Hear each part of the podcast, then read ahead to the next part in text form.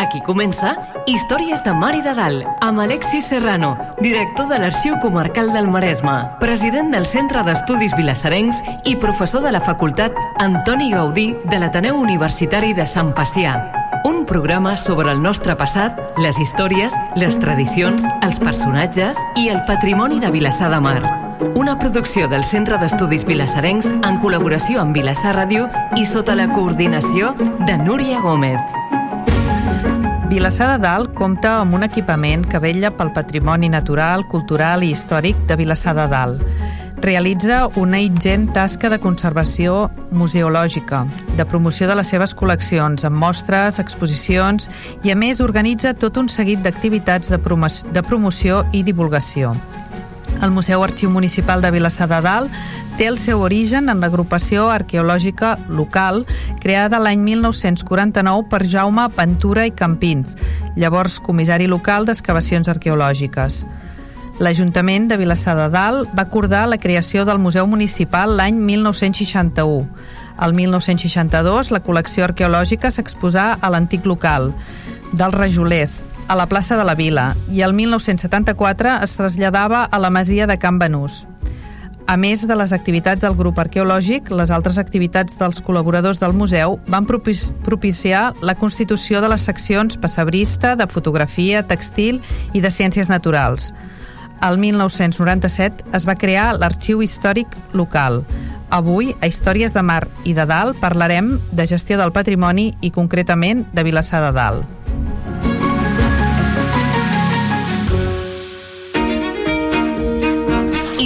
Històries de Mar i de Dalt. Entrant en matèria. Benvinguts. En el programa d'avui parlarem amb l'Enric Ortega sobre el Museu de Vilassar de Dalt i gestió de patrimoni. I l'Alexis ens podria fer cinc cèntims sobre el tema d'avui.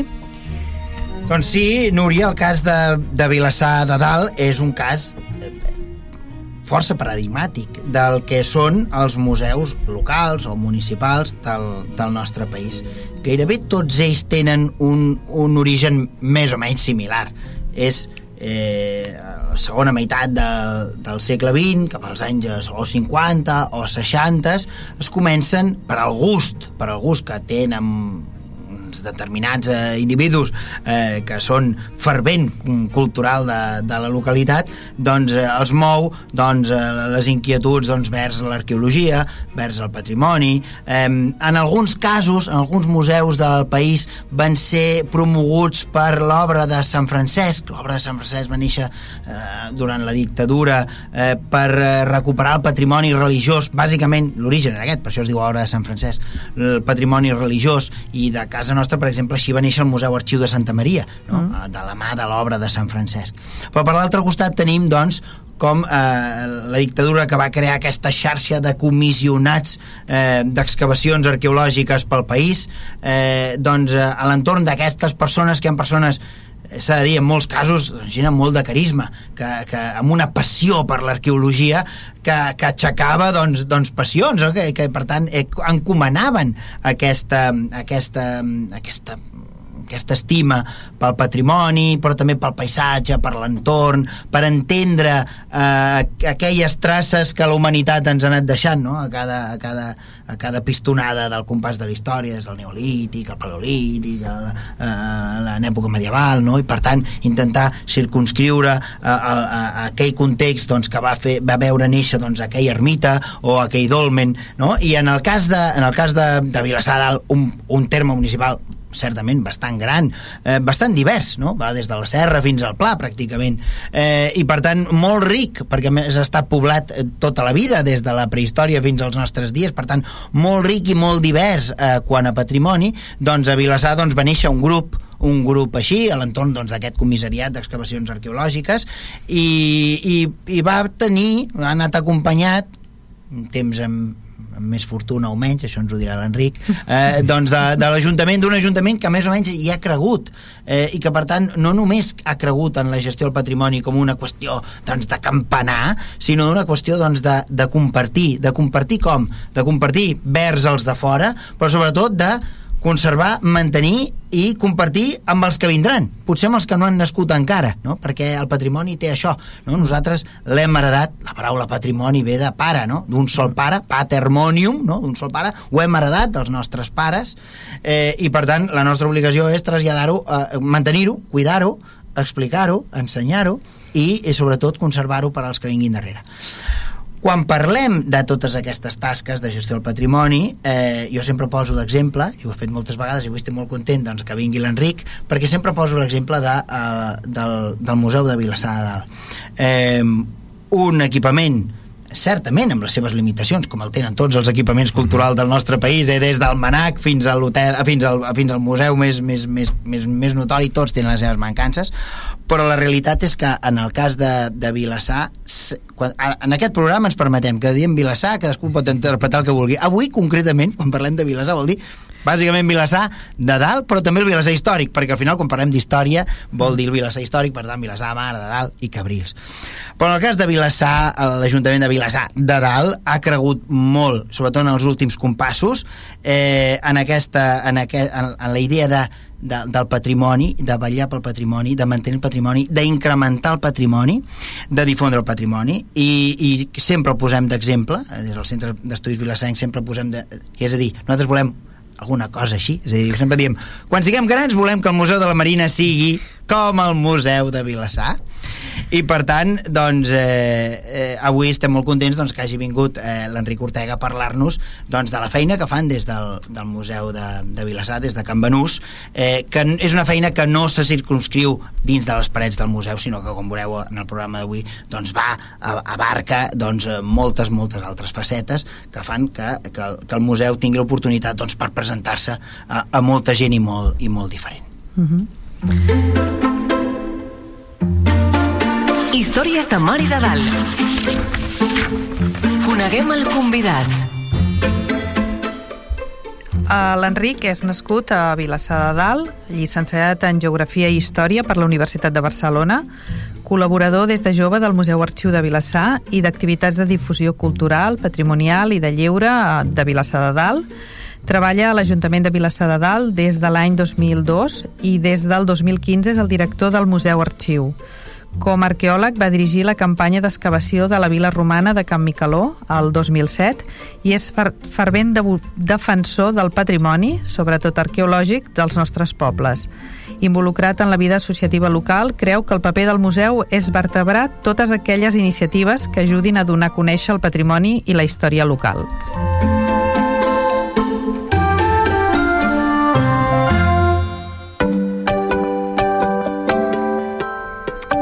Benvingut, Enric. Gràcies.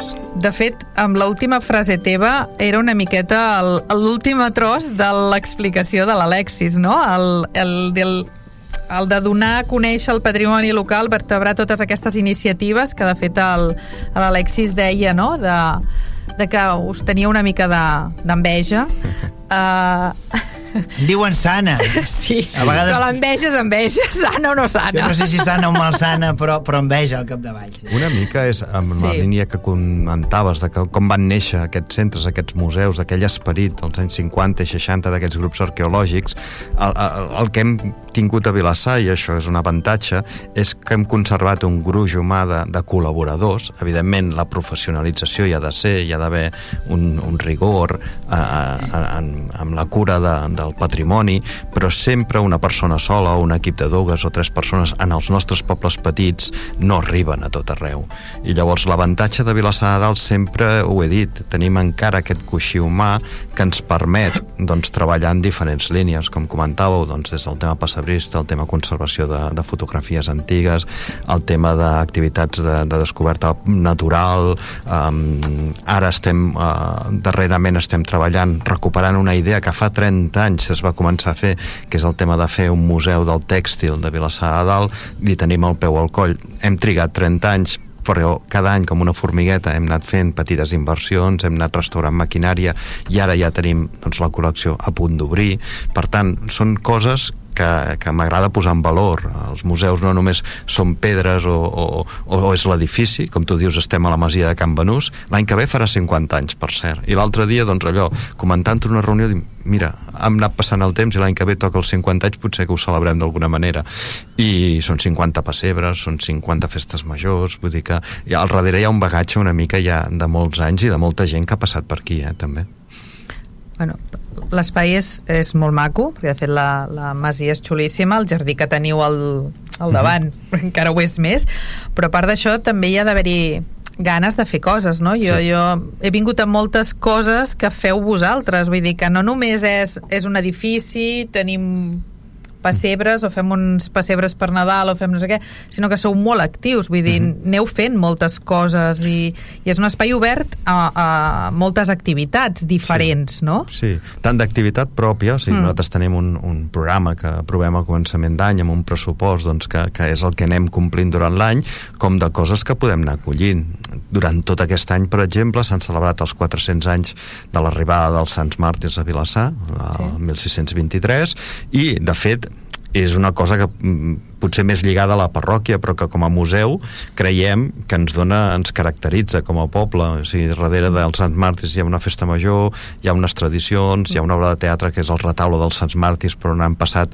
doncs, durant 20 anys tots els vilassarencs. Doncs tot això és patrimoni, encara que sigui immaterial, i per tant el museu hi ha de ser i sí. per tant doncs, obrim les portes, les conferències s'han fet al museu, l'exposició dels 400 anys s'ha fet al museu i sempre intentant adaptar tots els públics. Per posar-vos un exemple, hem tingut generalment les exposicions temporals les tenim dos, tres mesos, aquesta l'hem tingut des d'abril fins a, fins a l'agost mm. perquè li hem volgut donar molta importància i quan ha acabat aquesta exposició ens ha quedat una mica el d'allò de que eh, potser el públic infantil no, no l'hem acabat d'enganxar doncs el que hem fet aquestes últimes tres setmanes és reconvertir l'exposició dels Sants Màrtirs per exemple amb clics de fa mòbil ah. llavors a, aquesta setmana hem tingut una llau d'escoles perquè d'aquesta manera doncs, hem pogut a, eh, explicar doncs, el, el missatge dels Sants Màrtirs, de, de l'arribada, del per què Vilassar, eh, del paper d'en Salvador Riera el 1623, doncs a través d'un castell, d'unes cases i d'unes peces de, de clic de fa mòbil. Vull dir, una mica és intentar jugar amb això i, i donar cobertura a, a tots els nivells. De fet, també és important d'apropar moltes coses d'aquestes als nanos, no? Perquè mm -hmm. a vegades, si no, també sembla que els hi queda com... Sí és un rotllo, això és antic ja, mhm. -huh. perquè no em serveix de res, no? Dir, suposo que, que també, que també és mhm. xulo. Que als grans també els hi pot agradar, però també als, als eh, nanos. Sí, i, i, i som conscients de que tenim un públic tenim un públic molt fidel al museu, eh? però el, el nivell d'edat és alt Llavors, eh, eh, els joves costa, però costa en tots els sentits, ho estem mm. veient en els temes d'associacionisme, els joves costa, però sí que cal anar tirant doncs, eh, oportunitats perquè es puguin enganxar. Eh, aquests últims dos dissabtes, el 23 i el 30, per exemple, vam fer unes rutes fotogràfiques mm -hmm. obertes doncs, a tots aquells joves que volguessin iniciar-se en la fotografia han participat 10 persones cada dissabte. Potser és poc, però són 10 persones que els hi despertes una inquietud, mm. que coneixen una mica més bé el poble, perquè la ruta una era doncs, descobrim el patrimoni eh, urbanístic a nivell de poble, els petits detalls, el micropatrimoni, que sempre parlem, i l'altra ruta era doncs, a l'entorn natural de Vilassar. Per tant, d'alguna manera estàs convidant a descobrir a, a, a nova gent doncs, alguna cosa que potser hi passaven cada dia i no s'hi fixaven. Per tant, el museu no només és l'edifici, sinó mm -hmm. que mhm. també sortiu al carrer, no? A, molt. Sí, sí, sí, ens, ens agrada ser-hi. Ens agrada ser-hi en la preservació, eh, ens agradaria molt més que les normatives urbanístiques, no només a Vilassar, sinó a tot arreu, fos molt més, tingués una mirada més patrimonial cap a l'entorn. Els nostres cases de carrers, les cases de cos, les finestrals, les portes de fusta, els fanals antics, el, els panys de les portes, tot això, doncs, que els nostres pobles, quan hi passegem, tant ens caracteritzen, hem de crear una normativa que ho protegeixi. I al museu hi estem una mica al darrere d'això. A part de la normativa, sí que ens agrada divulgar eh, els darrers anys s'han fet dos, dos pòsters, un sobre escuts de pany i l'altre sobre rajola hidràulica, perquè, obro parèntesi, a petites descobertes que passen a vegades, no? la fàbrica de Can Manyer, una de les fàbriques més antigues de, de Vilassar, amb, amb més, on, on hi va passar més, més vilassarencs a treballar el tèxtil, Uh, resulta que el 1915 uh, reforcen el terra de la fàbrica i s'emporten uh, rajoles hidràuliques dels pisos de Barcelona que es tiraven a terra i es col·loquen de manera anàrquica uh, en 400 metres quadrats de, de superfície. Doncs resulta que ara quan hem arreglat la fàbrica doncs, per ser la seu de la biblioteca, uh, un especialista, en Jordi Griset, en, en, en rajola hidràulica, dic que sapigueu que és la superfície amb rajola hidràulica més gran de Catalunya. Ostres, i, I més variada. I més variada. Això és, és, un, és un mosaic, és un mosaic de, de tota la producció de diferents fàbriques durant 30 o 40 anys que es van recollir el 1915.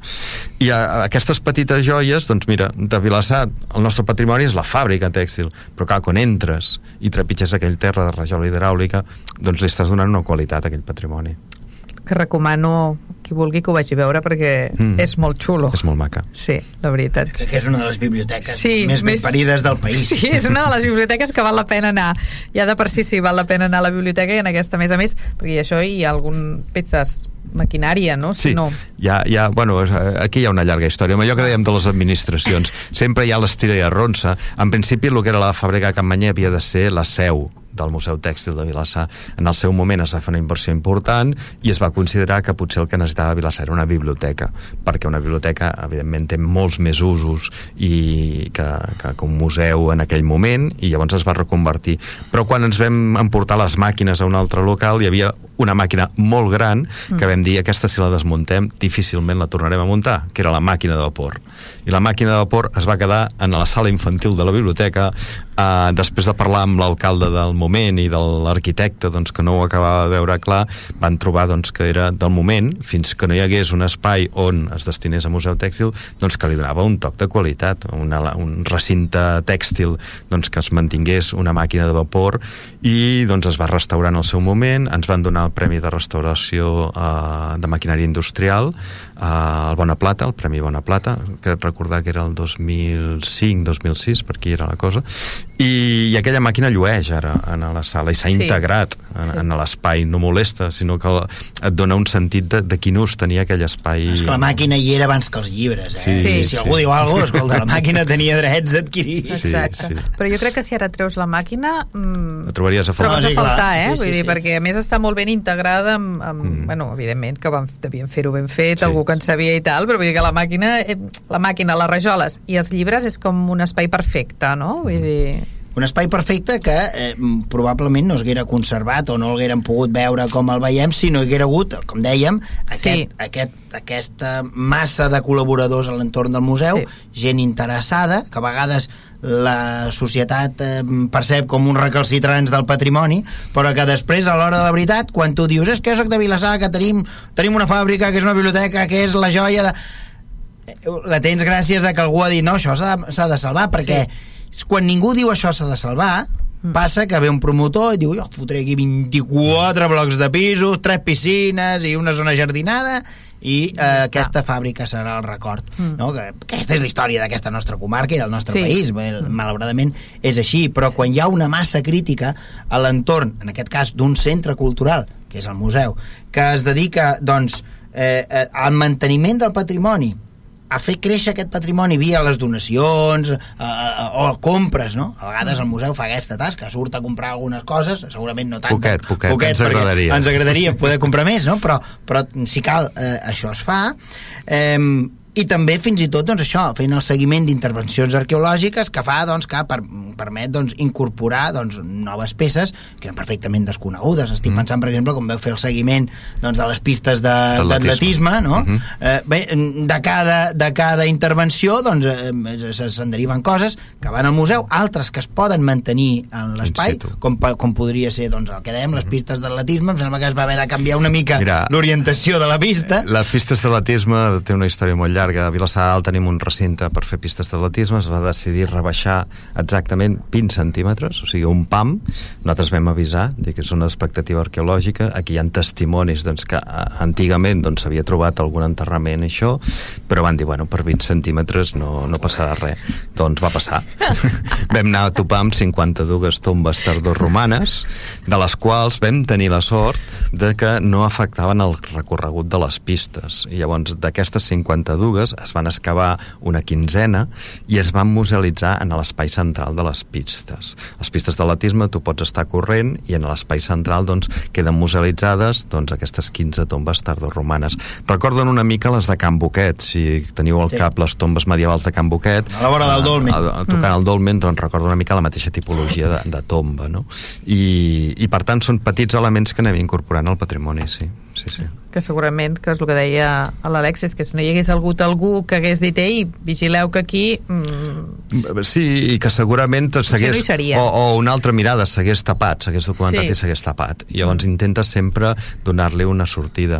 A Vilassar, per exemple, es va fer una inversió molt forta amb els fons romans de, de la Fornaca. A. Vilassar mm. tenim un recinte industrial del segle I després de Crist, on es conserven tres fons romans, que aquí, com vam entrar la primera vegada, la tasca del museu era pre preservar un forn que es va, estava descobert des de l'any 49 i era documentar-lo i poc més. La sort és que en van sortir un de sencer i un de més petit en aquell moment, el 2002-2003, hi havia la urbanització de la zona industrial, es va poder invertir i es va fer un recinte arqueològic.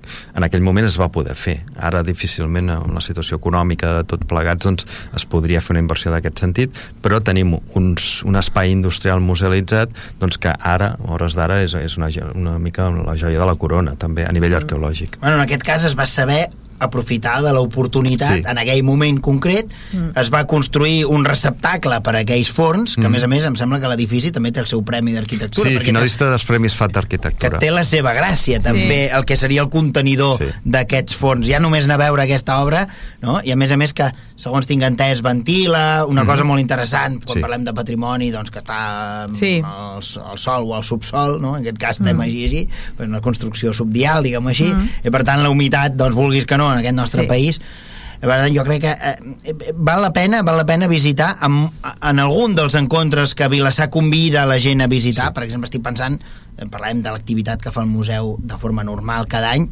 Vilassar no falla mai a les jornades Open Uh. -huh. i quan sí. tu obres l'avantguàrdia que promou l'Open, sempre hi ha eh, eh Barcelona, Barcelona que obrirà jo que sé, el Palau de la Valmesiana el Palau de no sé què, el Palau de no sé quant i després, pum, capítol, eh, un paràgraf específic per Vilassar que, ens, que, que pots visitar, doncs, jo què sé, eh, les bodegues de Camp, de Camp Bruguera, uh -huh. pots visitar el que dèiem, la, la fornaca, és a dir, tu, i, jo què sé... Tens una casa de cos particular. La, el Teatre també. de la Massa, i tu veus que tens tots els segles del món, eh? Tens segle I, segle, eh, segle, segle XV, segle XVIII, segle XIX, i sí. ho tens absolutament... Tens una rapsòdia d'estils, mm. diguem-ho així, mm. no? Eh, i que en un, en un dia doncs, pots anar doncs, d'un segle a l'altre uh -huh. Mm, això és un esforç, eh? Sí, no, evidentment. una cosa que... Això ho podrien fer molts municipis. Sí. Podrien fer tots els municipis si volguessin, però en canvi hi ha, hi ha municipis que aposten i, i això fa que això generi doncs, una moguda. I no és estrany, mm. no? no és estrany que la figura del director del museu, a més a més, encapçali l'àrea de promoció, com se'n diu? Promoció econòmica. La promoció econòmica, mm -hmm. i que, per tant, la, quan, quan està, el que estàs dient és promoure la vila des d'un punt de vista turístic amb la bona etiqueta de la paraula turisme, eh? de turisme mm. que parlem, familiar, de proximitat, etc sí. etc perquè jo voldria saber quins són els turistes que visiten mm, eh, Vilassar, però m'hi jugo un pèsol que van ser moltes famílies de Barcelona. Sí, sí, sí. Tot i que ara, des de que tenim l'hotel Saurli Emocions, ens està sorprenent la quantitat d'estrangers de, que venen a passar temporades. Eh? Vull dir que hem, hem incorporat un nou públic, i no només pels turistes que venen de fora, sinó, com deies a la teva introducció, els nostres pobles estan canviant, i els museus tenim un paper amb les noves generacions que s'instal·len. Sí. Arrel de la pandèmia, eh, sí que jo he experimentat que ens ha arribat una onada de gent jove que han, han marxat de Barcelona sí. i, i, i que tenen ganes de conèixer el poble, de saber les nostres tradicions, de per què celebrem la festa major el 29 d'abril, de per què, saps? Vull dir, aquestes petites coses que els de poble donem per entès, mm. o, o, o on és Can Recoder, quan parlem dels cants, dels mals noms del poble, ara a través de les xarxes fa un mes, una cosa així, va sortir una iniciativa que m'ha allò m'ha anat derivant a mi, no? de dir, bueno, uh, volem re reivindicar els mals noms de les cases i de la gent, que això no es perdi, bueno, doncs que el museu sigui el receptacle d'això. I jo encantat, dic, quan, dels mil projectes que tenim en marxa, aquest és un que, a més, em fa il·lusió que això no es perdi, eh? Vull dir que uh, jo sóc de Can 600, els meus avis eren de Can 600, i per tant, vull que el meu fill també sàpiga d'on venen els de Can 600, no? I per tant, aquestes coses crec que són les que hem de preservar i, i també ens toca. I també tenim la sort, i això doncs, també l'Alexis hi, hi té part, eh, amb el tema d'arxiu. Des de fa un any i mig tenim un arxiver. Fins ara el Museu Arxiu feia aquest doble paper de, de, de conservació del patrimoni, de les peces, de, de les exposicions, i també li tocava fer una mica el tema de la, de, de la protecció arxivística. No? Això, doncs, gràcies a, a l'Ajuntament fa un any i mig es va contractar un arxiver professional i d'alguna manera podem pujar un grau en aquest nivell, un professional en aquest àmbit i que ens està ajudant moltíssim, per exemple, en tot el que és el fons fotogràfic i documental doncs, que, que teníem al museu. Està posant criteris, està donant eines per, per, poder, per poder gestionar. I per tant anem creant xarxa una mica és això. Uh -huh. I perquè, evidentment, cal tenir ofici per fer segons què, vull dir, pots posar-hi voluntat, però, però s'ha de saber què s'està fent, no? Fins ara, eh, eh, Vilassar ha comptat amb la, amb la sort de tenir, de tenir voluntat per conservar. És a dir, a, a Vilassar hi havia, hi havia un consens, és a dir, que no que tot s'havia de conservar, però que en la mesura del possible, mm. doncs mirar de vetllar per aquestes fàbriques, mirar de vetllar per aquest continu de cases de cos que fan un, un tram de carrer, mirar de vetllar... Hem tingut gent, era vetlladors, diguem-ho sí, així, no? Sí. Eh, conservadors, en el bon sentit de la paraula. Mm. Eh, arriba a, en aquesta nova fase, diguem, històrica, de, en el cas de la gestió del patrimoni Vilassar, tenim un director professional, a més a més arqueòleg, i a més a més ara tenim un arxiver, un arxiver titulat, amb les seves oposicions, vull dir, un servidor que està al tribunal, eh, i, ho pot, i, ho pot, i ho pot assegurar que, que estem parlant d'un gran professional. Què vol dir? Vol dir que tens segueixes tenint el teu exèrcit de col·laboradors, mm -hmm. Que això es pot anar incrementant, pot anar eh, acollint a nova gent, a noves inquietuds, noves iniciatives, iniciatives que poden néixer de l'abric del Twitter, eh, això mm. és així, mm, però després tu has de tenir un, una, un múscul professional, has de tenir un múscul profe i sobretot has de tenir unes antenes posades a l'Ajuntament, de gent que estigui, de, de, els tècnics, diguem així, municipals, que estiguin a, mm. a, a, que, que, que, que t'aguantin el pas, perquè si tu tens molt de projectes, però resulta que a l'hora de, de repetir el pressupost doncs no n'arriben ni cinc, tu pots tenir moltes iniciatives però arribaràs fins on mm-hmm. arribis sí. I, i també és veritat que s'ha de tenir eh, molta cintura per convertir un pressupost relativament migrat en, en, en molta actuació actuació que va des de, hem dit, des del salvament del patrimoni a la, a, a la, a la divulgació que tot passa per prioritzar el que deia, el que deia l'Enric ens agradaria tenir un inventari de tots els panys de portes mm -hmm. de la, mm-hmm. i de tots els picaportes de, de Vilassar mentre no el tinguem hem fet un pòster hem fet un pòster que n'hem posat 33 ara m'ho invento, sí, no? Sí. Eh, en la següent edició algú dirà, escolta, jo també tinc un picaporta que no sí. sé llavors tu ja sabràs que té... I quan la gent coneix, sí. estima, i quan la gent estima, conserva i protegeix. Mm. -huh. I això, eh, i això no, no, no cal inventar-ho, això no. està, està inventat. Sí, està. Eh, està clar de fer les coses, doncs això, amb passió, amb estima, amb amor, i, i, i sobretot que et deixin fer sobretot sí. que et deixin fer sí. eh, jo, eh, una cosa que, que, que sempre he entre les enveges que tinc per, per Vilassar eh, una d'elles és la promoció de la recerca perquè mm. Vilassar de Dalt és un lloc que s'ha caracteritzat per, en tant en tant, convocar jornades d'estudis. Sí.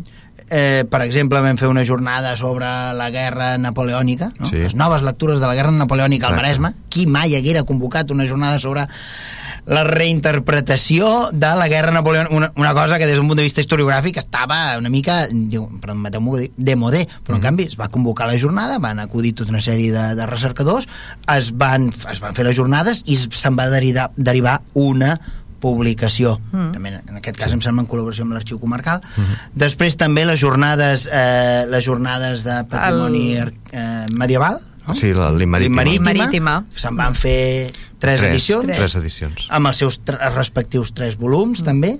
Eh, també en col·laboració amb l'arxiu sí. eh, el Simposi del Castell el Simposi tenim... del Castell que és una, és una entitat privada sí. perquè clar, el senyor Marquès és, és l'arxiu de casa seu però té aquesta vocació doncs de tant en tant a congregar eh, la gent del sector, dels arxius històrics bàsicament, mm -hmm. eh, ell ho fa a casa seva, però l'Ajuntament hi participa, sí. també hi participa l'arxiu comarcal, sí. eh, però la realitat és que fa que, eh, d'alguna manera, Vilassar sigui una petita joia, no? Parlar de Vilassar sigui sinònim de parlar d'arxius nobiliaris, perquè l'arxiu del Castell és un dels arxius nobiliaris més importants mm. del país, de, de Catalunya, vull dir d'Espanya, vull dir d'Europa, sí. vull dir del món, eh? Sí. Perquè no és normal obrir una porta d'una torre d'un castell i trobar 8.000 pergamins. No. Això passa a Vilassar.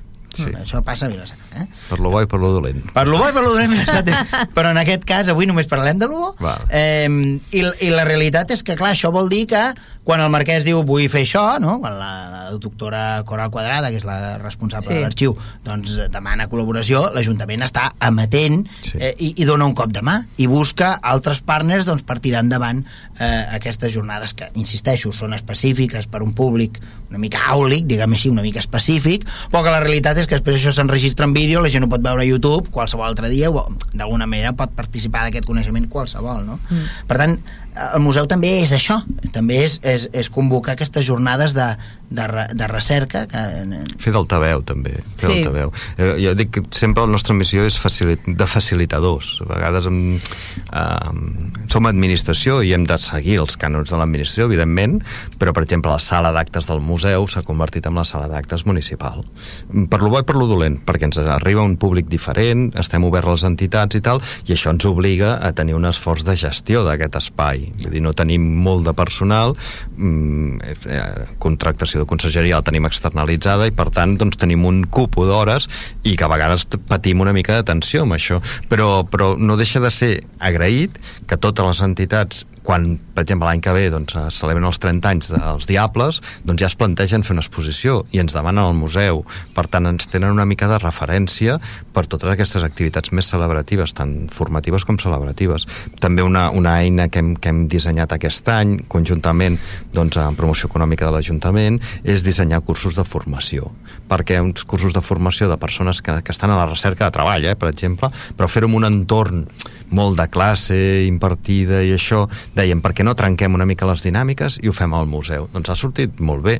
Gent del poble que no coneixia aquest espai, un nou públic, i que, i que et genera noves visites i et genera nous inputs, no? I com això ho intentem una mica fer d'altaveu i, i de recollir aquestes propostes, per això hi som, no? Som administració, però som una mica peculiars, això sí. Jo crec que un dels dies que el museu està més a, a vessar és, és, són les jornades de, de, del bolet, no? Sí, la Fira del Bolet. La Fira del Bolet eh, perquè clar, la, la fira, al mateix carrer doncs ja sí, s'omple de paradetes sí. i, i hi ha un entrar i sortir i jo crec que és un dels dies més macos que un pot visitar a, mm. al museu perquè mm. veus, ja, bé, hi ha l'exposició no? els bolets, etc. Sí. això t'interessa més o menys, sí. eh, et poden agradar més o menys els bolets i prendre la cassoleta i tal, però el fet de veure aquesta permeabilitat entre un centre cultural que quan un diu museu ja sembla que sigui una cosa... Ja la mm. paraula és antiga, eh? Sí. La casa de les muses, imagina't. Sí. Ara tothom però, són centres d'interpretació. Bueno, però eh, eh, jo no sé si hem de canviar les, el nom ja, de tot ja, ja. Per, per un altre cop arribar ja mateix, però, però sí que és veritat que dèiem no, això, aquesta permeabilitat, el museu obert, gent entrant i sortint, no sé què, i tu dius, és que aquesta és la casa de tothom. Mm -hmm. Jo no sé si la gent ho sent quan entra a l'Ajuntament però en canvi quan entra, en el cas del Museu de Vilassar uh mhm. -huh. segur que quan la gent entra ja considera que jo d'alguna manera és que, que segurament és més amable entrar al museu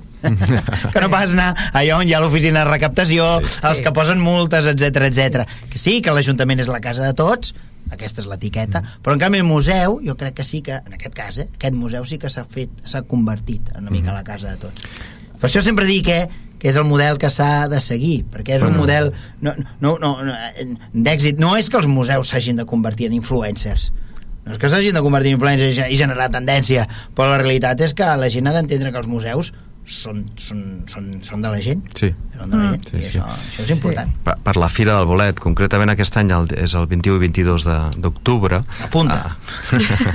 el 21 és més, és més de caire domèstic perquè ah, animem doncs, a les famílies que vagin a muntanya a espècies de bolets, es fan activitats infantils, per exemple una cosa que fa dos anys que repetim és la construcció amb cable, cable és, són unes peces de fusta on eh, nens de totes les edats fan unes construccions però però, però grandioses, eh? des de la Torre Eiffel al Pont de Londres, construccions molt grans en el jardí del museu, que també és allò, diferents activitats per diferents públics. I acabem amb el tastet que es comença el dissabte a la tarda, i llavors el diumenge sí que és la Fira del Bolet, tot el carrer Marquès de Barberà, venen uns 60 paradistes, i intentem de fugir una mica la fira de, de, de bisuteria o les bisu... sinó que sigui una produc de, de productes a l'entorn del bolet, eh? I, i aquell dia doncs, eh, està obert, coincideix amb l'Open House, això que comentàvem abans, mm. tots aquests edificis que són visitables de manera gratuïta. I des de l'any passat contem amb la col·laboració de, del grup de recreació de la massa i fem visites teatralitzades. Això, el que ah. comentàvem abans, intentar diversificar. Quan ja has visitat dos vegades una fàbrica i te la tornen a explicar, doncs si te la, si la, te l'expliquen un grup de, de dones i homes vestits d'època, t'entra molt més bé i sobretot de cara a les famílies, doncs és extraordinari. Home, és diferent, com a mhm. -huh. mínim, no? És una manera diferent. Perquè a vegades la, la paraula museu també jo crec que amb segons qui va associat a avorriment, no? A cosa... Sí, uh -huh. o sigui, jo, jo tinc amigues de, que els dius vull anar a un museu i doncs vés-hi tu, veia rotllo, yeah. no? I penso, jo m'ho passo superbé. Vull uh -huh. dir, clar, depèn de... I en canvi el fet de... El, el, jo et dic, jo al Museu de Vilassar el que m'encanta és el jardí. Tu entres uh -huh. allà i sembla que estiguis entrant a casa d'algú, amb okay. el jardí és, és Modernista, molt xulo. 1866. Uh -huh. Entres a la casa i és maca, vull dir, i és un altre concepte possiblement de, de museu avorrit, que per mi no ho són cap ni un, eh, d'avorrits, ja us ho dic, eh? Vull dir que a mi m'agrada molt anar de museus. Tens, en el nostre, per exemple, hi ha la part permanent, diguem sí. la, la més fixa és tota la col·lecció arqueològica, que és recuperar d'on venim. Nosaltres tenim peces, el que comentàvem abans, eh? el grup arqueològic als anys 50 va excavar Cèllex, va excavar a la Cadira del Bisbe, va excavar a Borriac, i per tant tenim algunes peces d'aquests diferents espais, però la part interior és tota arqueològica arqueologia de Vilassar, començar amb tota la zona arqueològica de, del dolmen de la Roca d'Antoni i tot l'entorn de Can Boquet, fins eh, doncs, als diferents jaciments eh, romans que s'han anat trobant a la plana i que han anat fent una mica la col·lecció arqueològica més permanent. Mm -hmm. però... però a més, a més, això és el que veu la gent, Uh -huh. però si tens la sort que l'Enric t'obri la porta de, de la, la falsa la, la porta falsa eh? allà hi trobes hi trobes doncs, absolutament de tot. De tot allò que normalment la gent, la gent acaba llançant, perquè perquè la gent acaba llançant, però en canvi el, el Museu de Vilassar eh, ten, tenen la, la capacitat de projectar-se en el temps. I, i, i llavors eh, tu entres allà i veus pues, una bicicleta dels anys 20 mm -hmm. i veus una... Una eh, maleta, una ràdio, una, maleta, planxa... Ràdio, sí, un sifon, un no sé sí. què.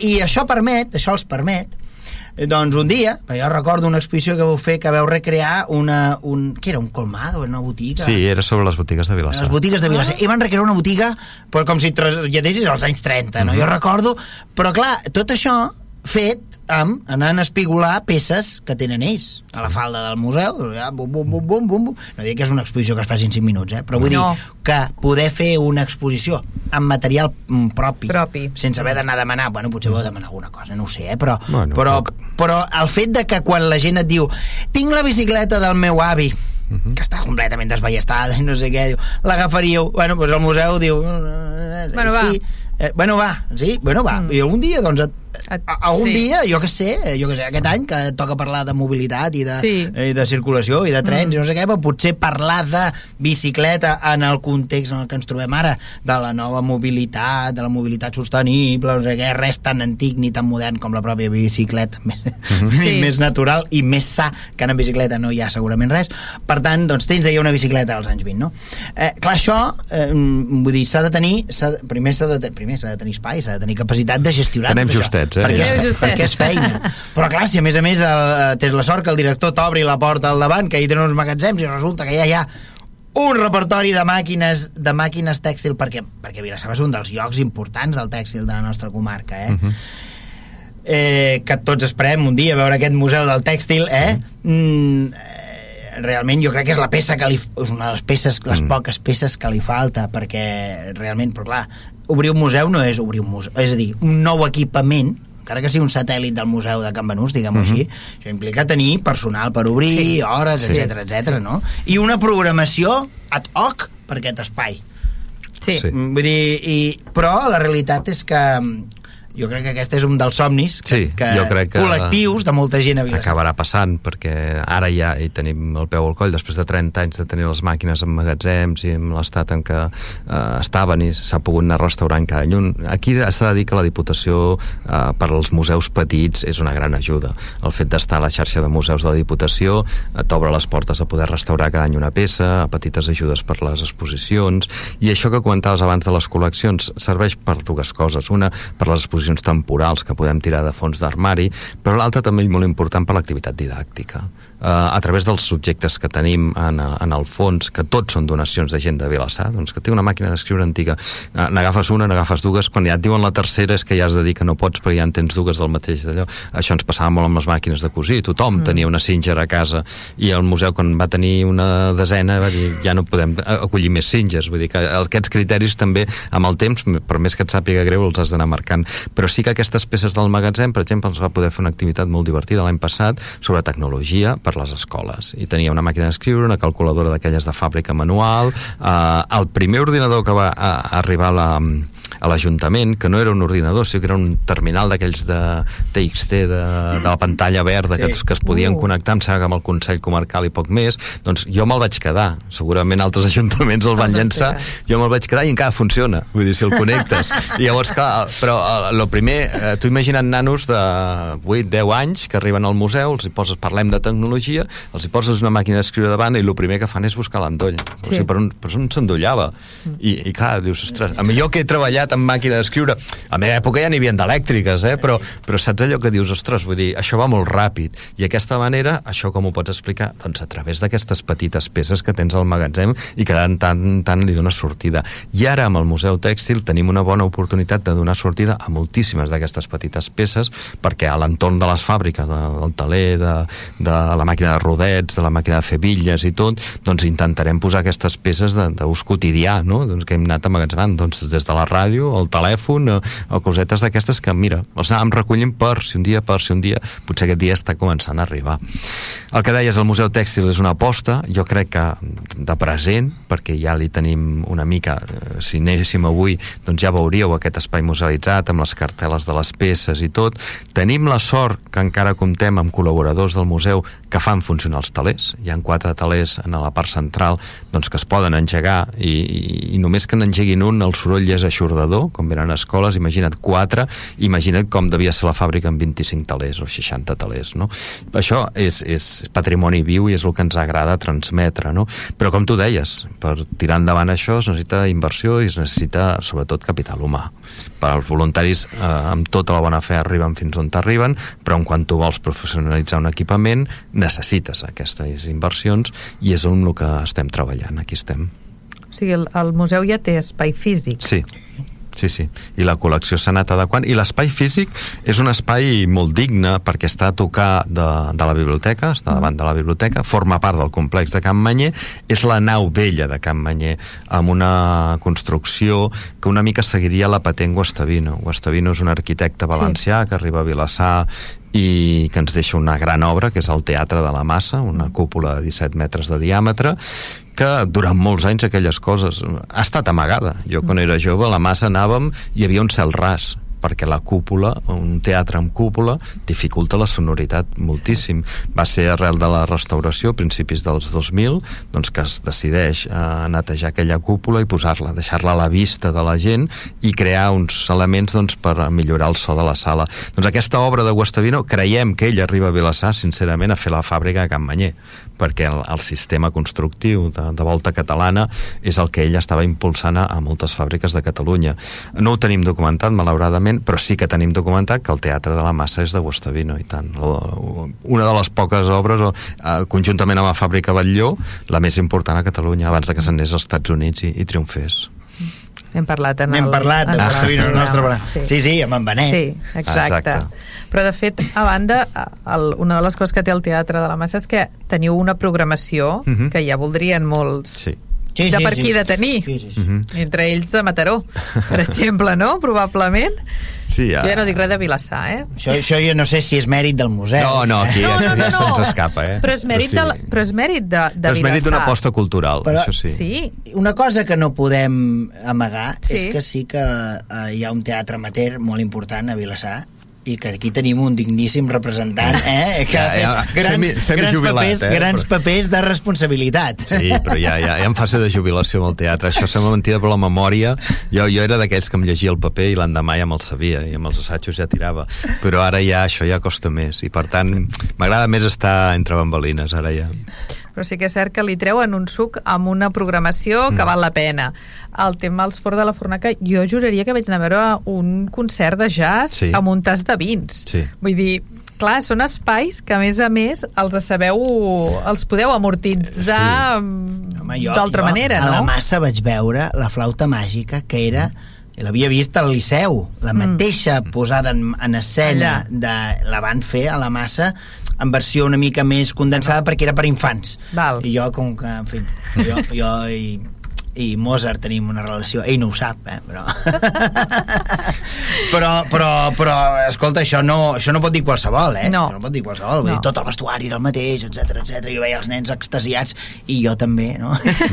jo ja no era tan nen Vam rebre una proposta, això abans de l'estiu, d'unes persones que toquen amb, amb vols d'aquests de quarts, Sí. Mm. a música terapèutica, i fan ioga, un estil de ioga diferent, i em van venir a trobar quin espai del municipi podríem encabir doncs, aquesta activitat. Jo els vaig oferir els forns. Això no tenia cap cost per l'Ajuntament, ni pel museu, i ell diu, bueno, doncs creiem que és un tipus de públic que pot venir diferent, una mica arriscat, perquè mm. dius, bueno, això no ho hem fet mai, a veure si, si potser estic jo sol aquí posant cadires. Uh, 70 persones. 70 persones al concert de vols, que jo vaig, bueno, de veritat que vaig al·lucinar de molt. gent que segurament no haguera, no haguera trepitjat mai No, la no. fornaca El, exacte. No? I després van sortir fora i 70 persones fent ioga un estil de ioga diferent doncs, doncs bueno, xapó per, per la gent que va tenir aquesta visió de dir, bueno, proposem-ho sempre és, és, és prova-error no? de dir, bueno, ha funcionat ha, ha vingut un públic diferent i molta gent de Vilassar que no coneixia els fons, però això et passa Vull dir, fas a vegades dius, és que no ho coneixia Dic, doncs mm, també has tingut oportunitats per T'has conèixer fotut un far de fer tríptics, de Sí, posar-ho a la sí. pàgina web, de no sé i a què. vegades funciona més això vull dir, Sí. una activitat diferent en què et ve de gust anar-hi com la dels concerts Sí. els concerts de jazz són iniciativa de la massa i generalment es, es proposava als fons es feia a l'estiu mm. doncs un concert allà i ara vam fer aquest, ja t'ho dic fa dues setmanes o una, això. Però crec que és una manera també d'apropar patrimoni amb altres coses que potser la persona, a lo millor mm, no ho havia vist mai, ve, ho veu, li agrada i després el dia que venen els amics a casa que venen d'allò, ostres, us portaré a un lloc Sí. i, no? Vull dir que a vegades també és una manera de... És com tota la zona de Can Boquet. Nosaltres mm. tenim el parc natural aquí a tocar, a la serrada litoral, i tota la zona de Can Boquet hi ha una ruta arqueològica preciosa, i enmig tenim la masia de Can Boquet, on es fan uns vins fantàstics, que són Sí. els Boquet de l'Ella. Sí. I els Boquet de l'Ella fan moltíssima activitat enoturística a l'Ella, perquè ja Sí. tenen una, una seu eh, especialitzada allà. Doncs nosaltres estaríem encantats que aquesta activitat es fes a Vilassar, tenim la capella preromànica a Can Boquet, tenim tot aquest entorn arqueològic, vull dir que intentem sempre vetllar perquè una activitat productiva, doncs, com és l'enoturisme, Mm. doncs també se'n pugui gaudir d'una manera més patrimonial. Home, jo una de les coses que la, la meva dona eh, sempre em recorda, eh, de les coses que hem fet a Vilassar, que es va dir, i no ho tornen a fer?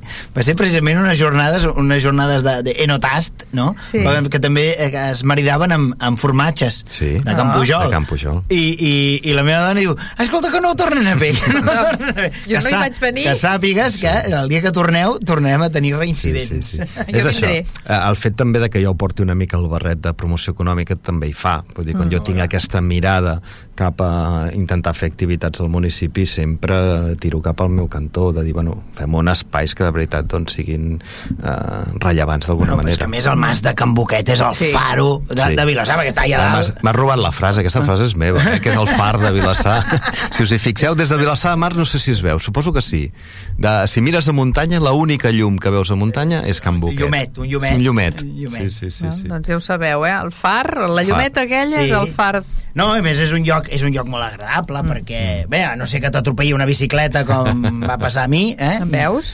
perquè clar, hi ha alguns que van que es pensen Sí, que són rics del mambo és el que tenim. o un que baixava de Cabanyes eh, que, a Sant Bartomeu Sí. bueno, en fi, eh, jo no vull acabar el programa perquè veig que se'ns acaba se'ns va consumint, no Consumint, acaba, encara tenim temps. jo voldria parlar de, del Revela't que és l'únic festival de fotografia analògica eh, i tu Val. adivina on el fan I, i, i que òbviament té la seva predicació i que i els que hem anat seguint més o menys com ha anat la, la, la història del, del festival doncs va néixer molt tímidament perquè al final sí. també el que dèiem eh, una aposta que dius funciona o no però que s'ha fet un lloc en la programació cultural del país eh, Mhm. parla'ns una mica Aquí, bueno, de fet, el museu... explica una mica el que és pel que Sí. no sàpiga. Sí, sí, Ah, ah, sí, el, el Festival de Fotografia Analògica Revela't ara s'ha convertit en sembla, es porten 10 edicions i és un festival que va néixer també una mica embrionàriament arrel del museu d'unes petites activitats que es feien de descoberta de fotografia analògica, sobretot amb tractaments de, de, de químics, de, doncs, amb salts i diferents elements, tractant amb clixés de vidre, i doncs aquests eh, tallers més especialitzats, més que, entre cometes, perquè que se m'entengui, era per friquis, de la gent que encara recuperava, doncs que anava amb les Leica i que volien treballar amb l'analogia, van decidir fer un, un petit festival al Parc de Can Rafar amb cinc o sis paradistes i, i, una, i tres o quatre exposicions repartides pel poble i això va ser l'embrió.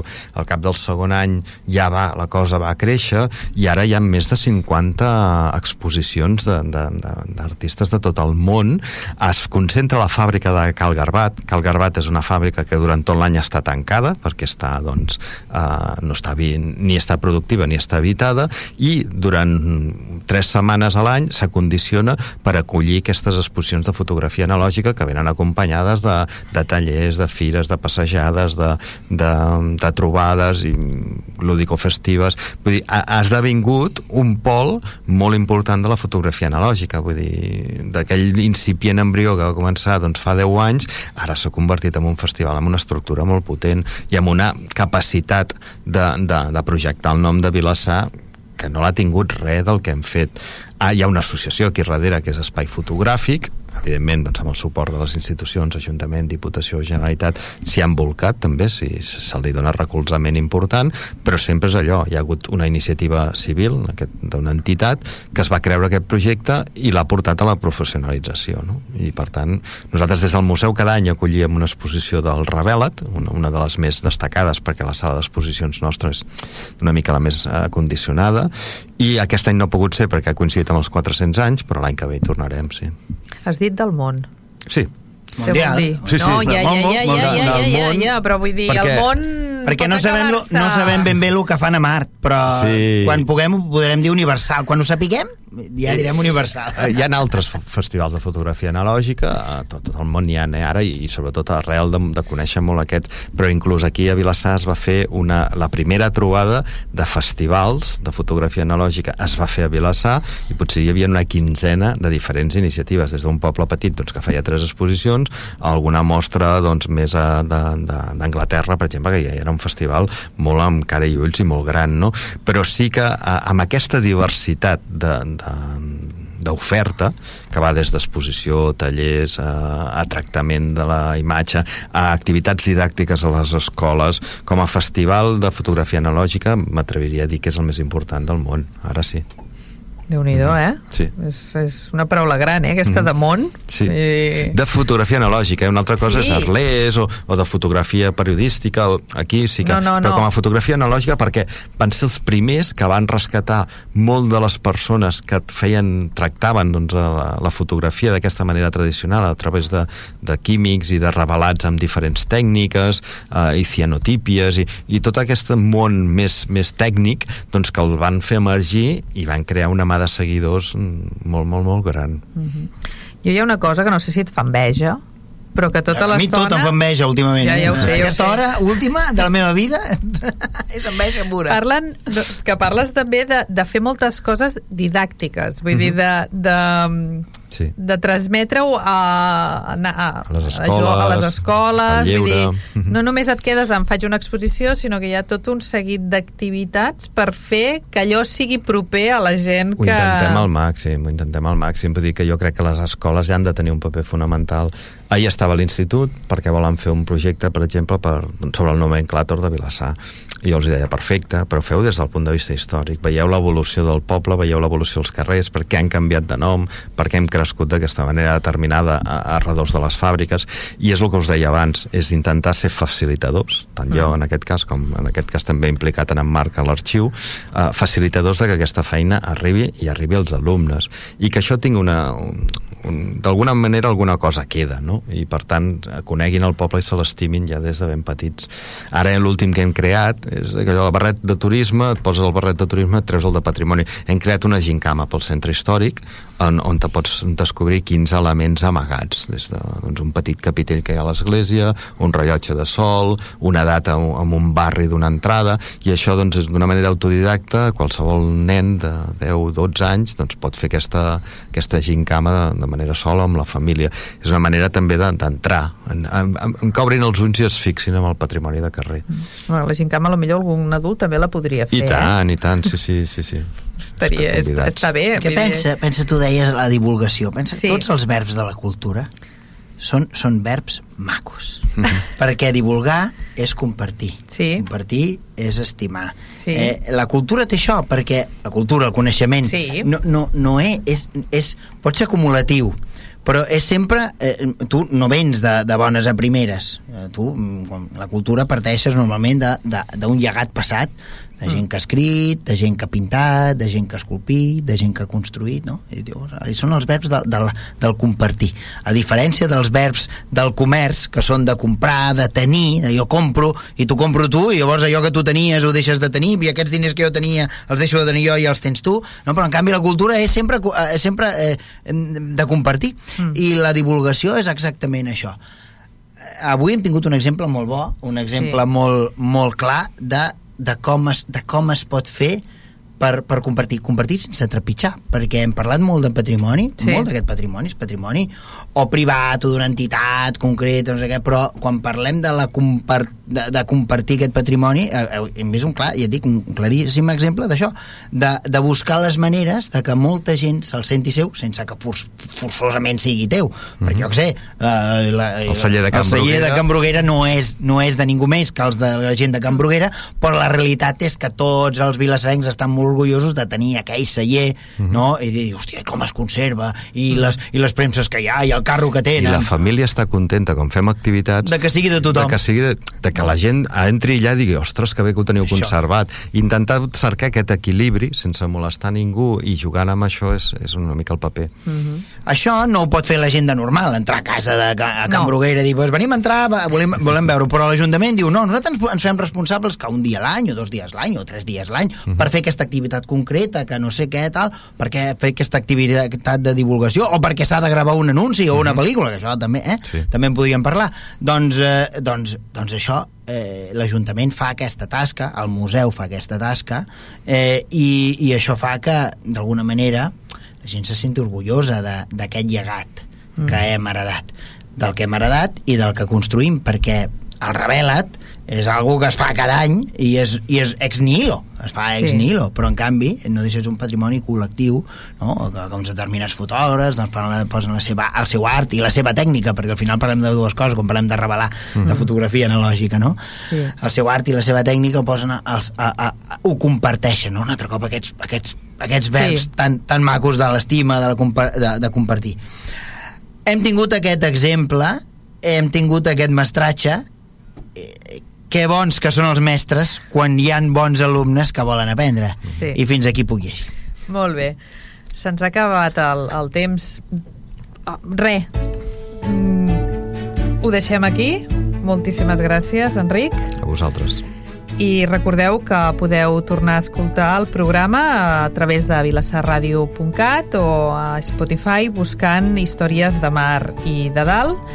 També us podeu subscriure al canal de Spotify per rebre el programa cada setmana. Adeu i fins al proper programa.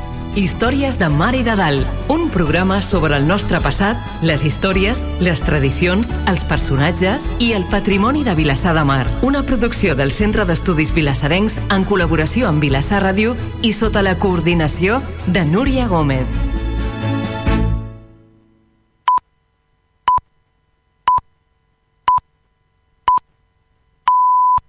Vilassar Ràdio són les 10 de la nit. Mireia Belmonte, Laia Palau, Laia Sanz, Maria Vicente i Alexia Putelles. Juntes, sumen més de 140 títols esportius i t'ho estàs perdent. No saps a què